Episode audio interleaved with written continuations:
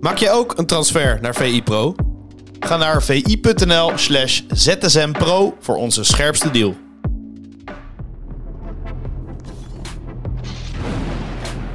Bas, goedemorgen. Welkom in de nieuwe VI ZSM. Goedemorgen. Uh, we hebben natuurlijk weer heel veel voetbal uh, gezien afgelopen week, maar ook uh, gisteravond. We gaan straks de Eredivisie behandelen, laten we eens in het buitenland starten. Barcelona wint met 1-0 van Sociedad. Um, ja, hoe heb jij naar die wedstrijd gekeken? Nou ja, tot, tot aan de rode kaart van Sociedad was het redelijk, redelijk spannend natuurlijk. Sociedad, ja, een verzorgd spelend elftal. Nou, je weet dat ze, dat ze Barcelona dan lastig kunnen maken. Alleen ja, met 10 man ja, moesten zich echt beperken tot verdedigen. Nou, uiteindelijk is het dan uh, Dembele die het verschil maakt. Ik moet zeggen dat... Ja. was wel een mooi moment hè, met Dembele. Want je zag Lewandowski die zette aan en die ging naar de tweede paal. In eerste instantie met zijn handen mogen. Ja, wat doe je nu? Want dat is ja. het doel. Hij ging erin. Hup, het gebalde vuistje. Maar het was wel weer zo'n moment dat je denkt van ja, eigenlijk... Wat doe je nu? Nou, ja, wat doe je nu? Nou ja, dat lijkt me een goede vraag. Ik denk, ik denk heel gezegd dat medespelers zich dat vaak hebben afgevraagd uh, bij Dembele. Zal dit op het laatste moment pas uh, besloten hebben van... joh, ik ga gewoon schieten?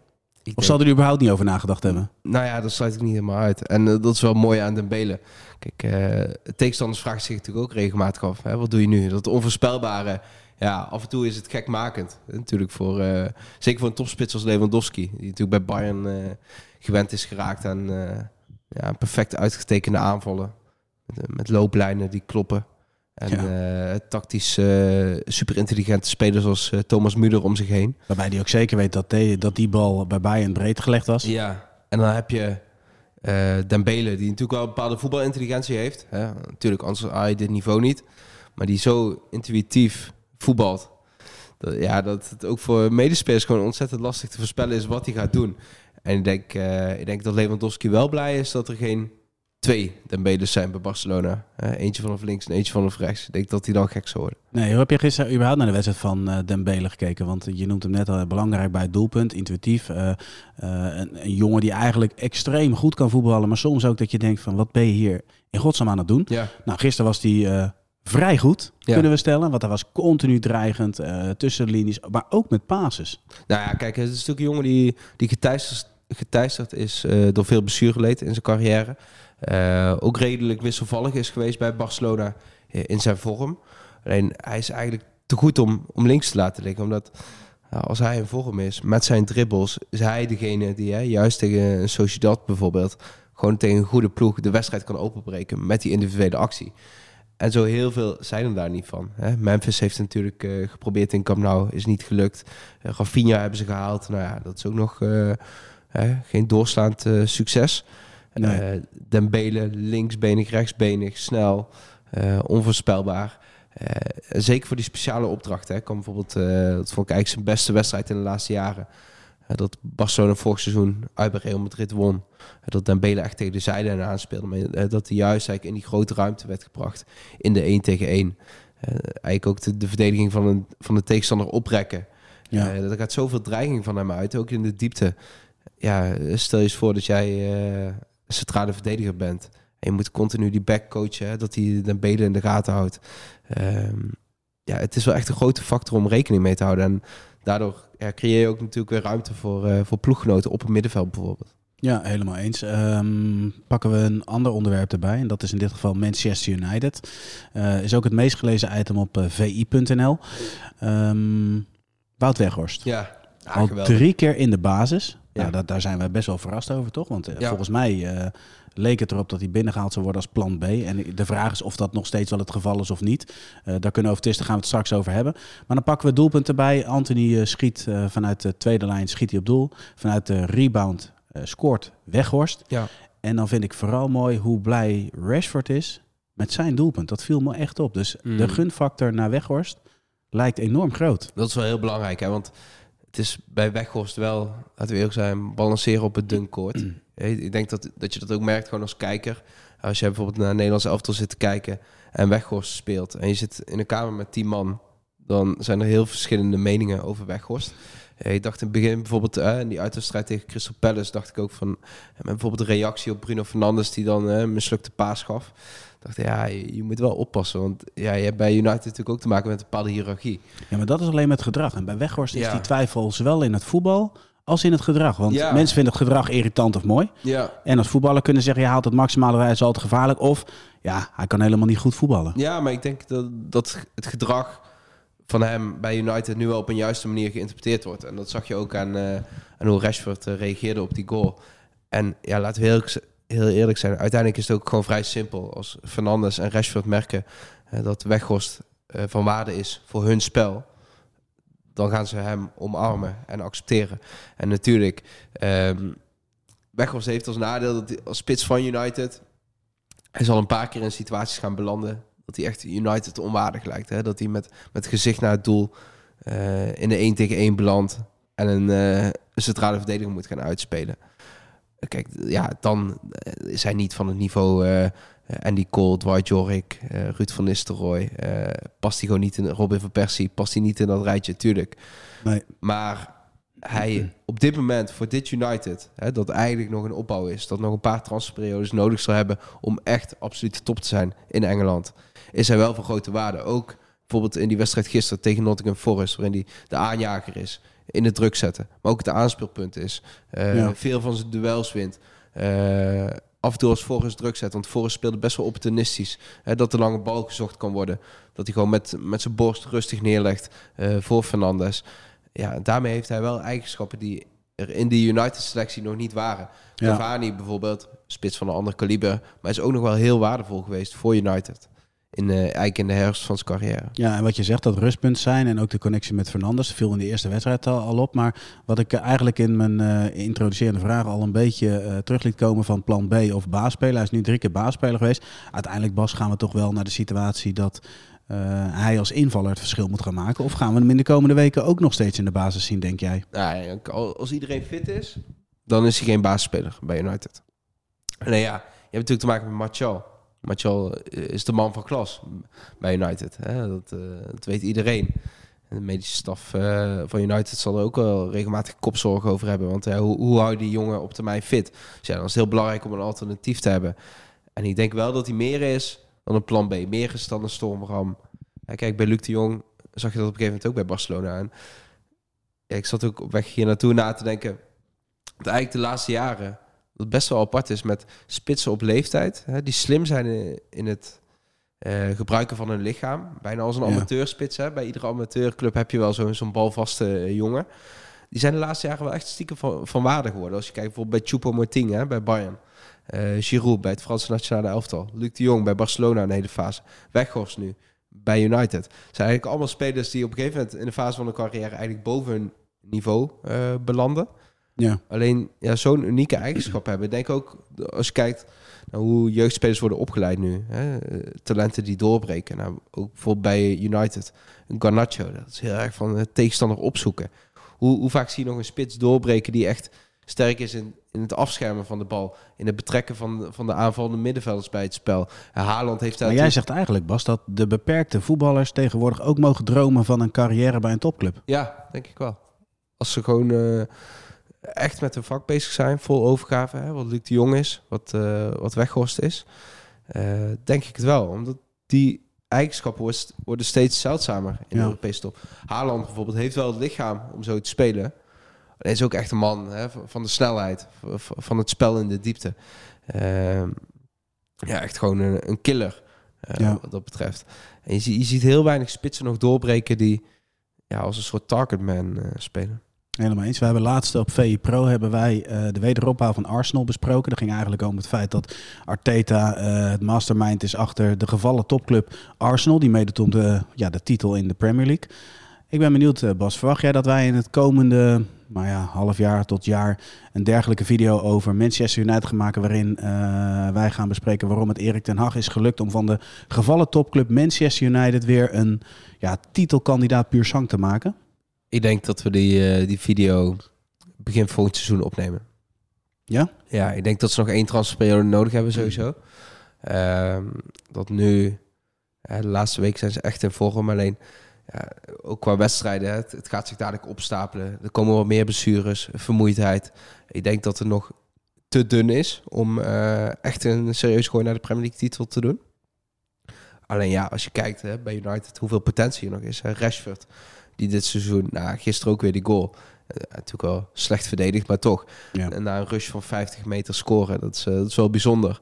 maar ook Sancho, hè, die nu bij de selectie aangesloten is. Beetje een vaag een verhaal dat hij zo lang afwezig was. Een jongen met gigantisch veel potentie natuurlijk. Nou, Absoluut. Ten Hag hem aan het spelen krijgt. Nou, komende zomer zullen ze een spits gaan halen. Lijkt mij. Maar wie? Nou, als dat een echte topper is. Een van de beste vijf spitsen ter wereld. Hè? Harry Kane bijvoorbeeld wordt al vaak genoemd. Ja, dan, uh, dan zijn ze niet meer zo heel ver verwijderd hoor. Van, uh, van de titel, zou ik zeggen. Oké, over een club gesproken die niet ver verwijderd is van de titel. Feyenoord. Uh, speelde tegen NSC. Uh, ja. Op VI Pro trouwens een uitgebreide terugblik met Martijn Krabberdam. Die overigens ook een klein beetje vooruitblikt op de komende nou ja, dagen. Want we naderen de transfer deadline. En hij geeft aan dat Slot nog op zoek is naar een specialist op het middenveld. Maar goed, daar gaan wij het niet over hebben. Daarvoor moeten de mensen echt naar VI Pro gaan. Um, eerste helft. Doelpunt van Dilrosun. Mooie aanval hè? Absoluut. En dan, dan zie je wel weer de hand van de trainer. En dat, dat blijft wel mooi om te zien. Dat zag je in de klassieker met het druk zetten. Nu weer in, met, met deze aanval. Het is echt leuk om naar Feyenoord te kijken. Nou, ik moet zeggen, slot. Natuurlijk uh, is hij nog op zoek uh, naar versterking. Uh, logisch, want die selectie, het is best vaak al schuiven geweest. Maar hoe die telkens ook weer problemen weet op te lossen, hè? personele problemen. door met spelers te schuiven. ja. Geert Truiden helpt daar natuurlijk wel bij, zo'n veelzijdige jongen. Um, ja, helpt er wel bij, maar uh, zonder Trauner, hè? Ja, nee, precies. Het is wel echt indrukwekkend. En ook die, die aanval. Ja, net wat je zegt, echt een trainingsveld uh, doelpunt. Ja. En uh, er zit zoveel dynamiek in dan, over die rechterflank. Dat, ja, ja, daar is NEC gewoon niet tegen opgewassen. Um, middenveld met Kukcu, Wiever, Simanski, Goeie speler, Simanski. Ja, absoluut. Mooi. Echt een hele goede speler. speler. Ook wel voor dit soort wedstrijden, hè, waarin je weet dat je een tegenstander gaat treffen die zich vaak op eigen helft zal begeven. Ja. voor de creatieve openingen dan. ideale speler. Um, maar goed, Feyenoord, ja, ik, het was reguliere zegen. NEC, zeker na die rode kaart, vond ik wel vaar, zwaar gestraft trouwens. Eens. Moest aan Marco Verbasten denken hè, met de triple punishment. Ja, ik vind sowieso, hè, de, als je naar de optredens van de scheidsrechters op woensdagavond kijkt, ik, ik vond de rode kaart inderdaad ook zwaar, maar pakken ze het buitenspelmoment. We maken gewoon eventjes een uh, stapje ja, ik heb naar FC Twente. Maar, var, moet ik zeggen. Ja, maar die, die goal van Van Wolfswinkel, ja. vroeger was het toch zo, tenminste vroeger, ik weet, het zal nog steeds zijn, gelijk, dan is het gewoon een doelpunt. Dan moet je de aanvallende partij moet je dan uh, het voordeel van de twijfel geven. En volgens ja. mij, ja, was het duidelijk gezien dat het geen buitenspel was, toch? Of uh, kijk ik niet goed, Bas? Nee, ja, ik moet zeggen, ik, ik kijk bijvoorbeeld ook heel veel uh, Bundesliga voetbal. Als je daar ziet hoe alles in beeld gebracht wordt, hè? maar ook hoe scheidsrechters na afloop voor de camera verschijnen en niet alleen ter verantwoording geroepen worden over één speciale fout, maar gewoon uitleg geven over de keuzes die gemaakt worden. Ja. De ontwikkeling ook van het spel, de arbitrale lijnen zeg maar, die verschuiven. Mm -hmm. Daarin is het Duitse voetbal zoveel verder dan het Nederlandse voetbal. Ik zit die wedstrijd ook te kijken. Vitesse Twente. Spannende wedstrijd. Nou, daar lijkt dan de ontknoping te zijn met die goal van uh, Van Wolfswinkel. Je zit 90 minuten na zo'n wedstrijd te kijken. En dan het beslissende moment wordt zo ontzettend slecht in beeld gebracht. Ik heb denk ik 0,3 seconden, 0,5 seconden een beeld gezien. Uh, dat, een stilgezet beeld met twee lijnen waarbij je ook ja, het gaat zo snel, waarbij je ook afvraagt van, ja, zijn die lijnen wel goed getrokken? Hè? Want het was na afloop ook niet uh, duidelijk. Nee. Er werd ook vanuit Twentekamp gezegd. Dat ik denk van, ja, kom op. Uh, in deze tijd, met de VAR, neem het publiek veel meer mee in, in de keuzes die gemaakt worden. Ik, ik vind dat wel echt teleurstellend. Als je bijvoorbeeld kijkt naar andere sporten. Hè, het tennis met Orkai is echt omarmd. Uh, juist door gewoon duidelijk brengen ook naar het publiek. Ja, maar daar is het ook een spelelement. Je, je hebt ook, laat maar zeggen, zoveel momenten die je in kan brengen. Ja, maar ook als je kijkt bijvoorbeeld hoeveel... Dan heb ik het niet per se over shots en zo, maar uh, hoeveel beter bijvoorbeeld Formule 1 in beeld wordt gebracht. Uh, echt als een soort... uh, als een show, zeg maar, vanuit alle hoeken, berekeningen... noem maar op. Ja, hierbij moet ik wel zeggen, Bas, het maakt ook wel uit in welk stadion je zit. Want in de, de, de, ja, bij de grote stadions wordt het allemaal wel beter in beeld gebracht. Maar er zijn er ook meer mogelijkheden om camera's te plaatsen. Ja, maar ja, het Gelredome is... Is vrij nieuw, ja. Ja. Zou geen probleem nee, te leveren. Het zal wel bij de... Hè, als het gaat om dit soort dingen, zou dat bij de beste acht stadions van Nederland moeten ja, horen. Eens. Punt van tafel. Nee, maar in de titelstrijd vind ik het dan wel... Ja, ik, ik vind het frustrerend om naar te kijken. Omdat, eh, ja, het was gewoon een mooi sportmoment. Zo'n winnende goal. Ja. Ik zit daar gewoon volledig als neutrale kijker naar te kijken. En geweldige voorzet van Smal, van Wolfswinkel die het dan doet. Tegen zijn oude club. Twente in de, in de race houdt. Uh, en dan eigenlijk zo'n vage beslissing die, ja, wat ik zeg, meer vragen oproept dan dat het duidelijkheid brengt. En dat is juist het omgekeerde van waar de VAR voor bedoeld is. Ja, maar uh, slot, uh, conclusie. Op het moment dat er al twijfel is, op het moment dat het niet helemaal duidelijk is, dan moet de aanvallende partij bevoordeeld worden, toch? Vind ik ook. Oké. Hey, we hadden het net over Feyenoord en je had het net over opvallende spelers. We hebben Dilrosun uh, genoemd, we hebben Tsimanski genoemd, goede speler. Iemand die ook opvalt is Hartman. Uh, meest gelezen op Pro is eigenlijk, uh, dat gaat om de timing van Hartman, geschreven door Martijn Krabbedam. Superleuk verhaal. Uh, ik wil met jou toch even een andere kant op, want jij bent dit weekend in Leverkusen geweest. Daar heb je twee andere backs aan het werk gezien. je hebt Hartman, heb je ook de afgelopen weken veel aan het werk gezien. Wat is jouw indruk ten eerste van Hartman als back en ook ten opzichte van nou, jongens die we net noemen, een Bakker en Frimpong? Ja, ik moet zeggen, Hartman doet mij denken aan, aan Malasia. Vanwege de pit in zijn spel. In, in, de persoonlijke duels ook. Eh, de drive die erin zit bij de jongen. Maar ik, ik, vind het wel indrukwekkend hoe volwassen hij eigenlijk al speelt. In deze fase van zijn carrière. Nu negen wedstrijden in de Eredivisie gespeeld. Uh, ja, een, een, back met heel veel potentie. Ja. En uh, nou, om, om, terug te komen op Bakker en Frimpong. Ja, ik, ik was afgelopen weekend bij Gladbach Leverkusen. En Leverkusen speelde daar op de counter. En nou, ik, ik heb denk ik nog nooit zo'n snel team gezien als Leverkusen. Dat als in het omschakelmoment ja. van ja. uh, balverlies naar balbezit. Ja. En Frimpong, als ik heel eerlijk ben, zijn spel heeft eigenlijk heel weinig te maken met spelen als een back. Nee. Ik zou als Koeman, als je met vier verdedigers gaat spelen, zou ik ook echt goed over nadenken of je Frimpong wel wilt gebruiken. Want ja, hij speelt er eigenlijk meer als rechtsbuiten. Uh, zeker als Leverkusen meer op de omschakeling uh, gokt. Um, maar die dynamiek die hij heeft en de snelheid ook. Nou, ongelooflijk, echt ongelooflijk. Gladbach werd compleet voorbij gelopen in de eerste helft. En uh, ja, niet alleen door Frimpong, ook Atli was geweldig, Diaby. Uh, ja, dat was e-, echt briljant counteren. Uh, Frimpong vind ik wel een stuk dreigender dan Bakker. Om eerlijk te zijn vind ik Bakker... Ja, maar ja, je zegt het net al. Frimpong is eigenlijk een aanvaller die ook gevraagd wordt om te verdedigen. En Bakker is een verdediger die ook gevraagd wordt om aan te vallen. Daar zit toch het ja, verschil in. En Hartman valt in diezelfde categorie. Nou, ik denk dat Xabi Alonso bijvoorbeeld dan ook wel in zo'n wedstrijd bewuste keuze maakt van... oké, op links stel ik een iets verdedigender type op... en op rechts ja. mag Frimpong uh, zijn gang gaan. um, maar ik vind Frimpong als speler wel veel interessanter dan Bakker. Ja, en als je nou naar Bakker kijkt ten opzichte van Hartman... Hè, we, we, kunnen de Bundesliga niet helemaal gelijk trekken met de Eredivisie natuurlijk. Daar zit een niveauverschil in. Uh, maar, maar hoe kijk jij dan, dan daarna? Ik denk heel gezegd dat de Bundesliga echt... Uh, structureel onderschat wordt in Nederland. Ja? De, er zit een verschil. Het niveau van de spelers daar. Hè? Als je bijvoorbeeld kijkt bij, bij Davy Klaassen, die gewoon bij Werder Bremen... Um, ja, gewoon structureel een van de betere spelers was. Uh, jarenlang. En die dan naar Ajax vertrekt en plotseling weer in beeld is bij Oranje. Dat is best wel gek, eigenlijk. Uh, de Bundesliga is zo niet de andere kant van de wereld. Het is een van de beste competities mm -hmm. uh, in Europa. Um, ook bijvoorbeeld Mickey van de Ven, die zich uh, daar geweldig uh, ontwikkelt. In potentie misschien wel de beste verdediger ter wereld volgens Suleiman. Nou, wordt die, uh, kan hij ook wel eens enthousiast worden, maar die maakt ook echt een bizarre ontwikkeling door. Ja, zeker. En ik moet eerlijk zeggen dat, nou kijk, bij Malen zie je het bijvoorbeeld dan, eh, die komt er nog niet echt doorheen bij Dortmund. Maar ik vond het de laatste jaar ook best wel zonde dat niet meer spelers vanuit Nederland de stap naar de subtop of top Bundesliga hebben gemaakt. Ja. Want ik denk dat die speelstijl, zeker bij aanvallende spelers, bijvoorbeeld een Bergwijn, uh, veel beter bij ze past. Omdat je, je hebt veel meer omschakelmomenten. Je speelt in grotere ruimtes. Je kunt veel meer gebruik maken van je snelheid, van je dribbles. Um, ja, wat dat betreft vind ik het een heel aantrekkelijke competitie. Ja, en dan gaan we tot slot wel weer even terug naar, naar Hartman, um, linksback van Feyenoord.